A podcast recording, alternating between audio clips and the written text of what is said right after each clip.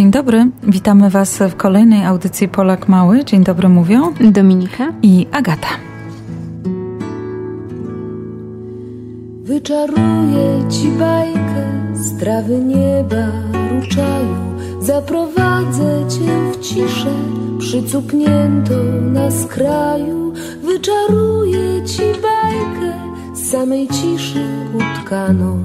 Złotogłowiem dobroci przystrojoną do dziś. Na skraju bajki, na skraju snu Przysiadła cisza i drzemie tu. Uciekły w ciszę niebo i las. Zapadły w ciszę przestrzeni czas. Otoczył spokój bajkę i sen.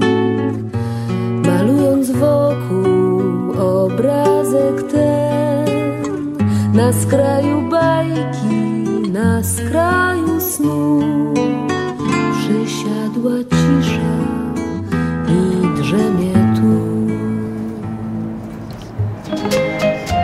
Pod koniec ubiegłego roku Sejm Rzeczpospolitej Polskiej, doceniając literacki dorobek Marii Konopnickiej oraz jej wkład w działalność patriotyczną, ustanowił 2022 rokiem Marii Konopnickiej.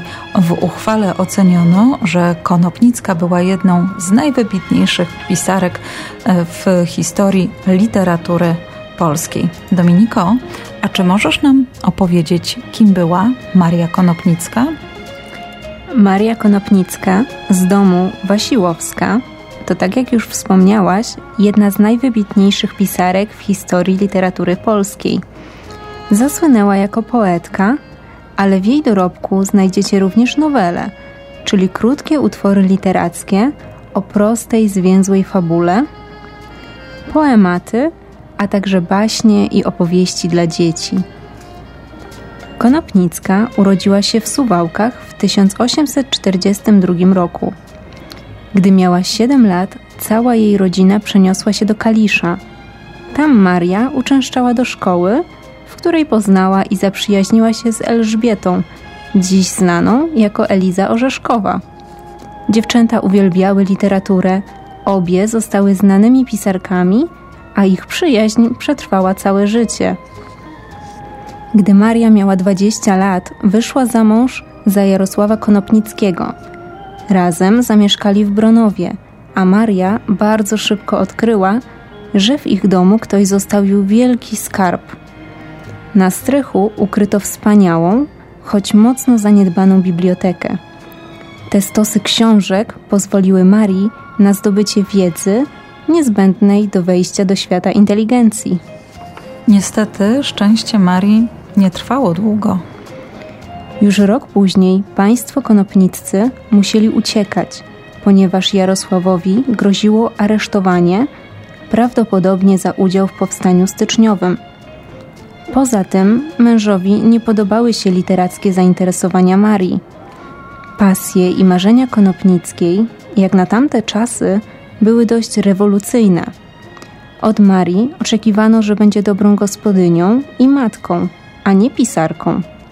Maria nie godziła się na to i tak 14 lat po ślubie Konopnicka wraz z gromadką dzieci przeniosła się do Warszawy, gdzie rozpoczęła pracę korepetytorki i tłumaczki, a z czasem krytyczki literackiej, poetki i pisarki. W swojej działalności literackiej i społecznej Konopnicka często poruszała temat niesprawiedliwości i ucisku stosowanego wobec najsłabszych i najuboższych. Zwracała uwagę na prawa kobiet, pomagała więźniom politycznym. Jednak do najbardziej znanych i lubianych współcześnie dzieł pisarki należą wiersze i opowieści napisane z myślą o dzieciach. Każdy z nas słyszał o przygodach Stewka Burczymuchy, wyprawie na jagody czy baśni o krasnoludkach i sierotce Marysi. Dzięki swojej twórczości Konopnicka znalazła się wśród gwiazd. I to dosłownie. No właśnie, co Maria Konopnicka robi w kosmosie?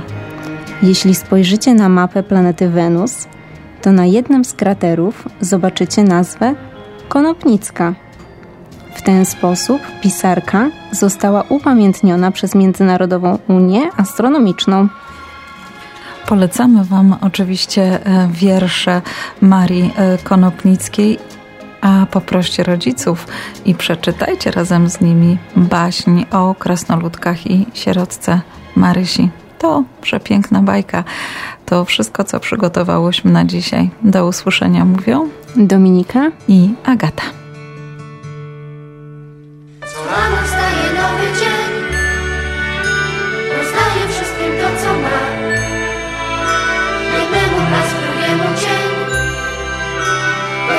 Się nie boi dnia.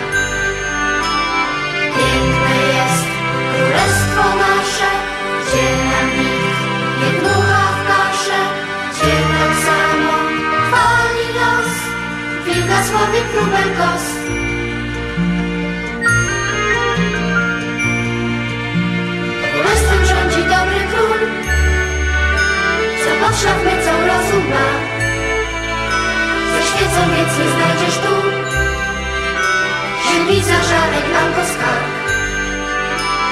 Piękne jest królestwo nasze, gdzie nam nikt nie dmucha w kaszę, gdzie dla wszystkich nosi gwiazd, jednakowo szumi las.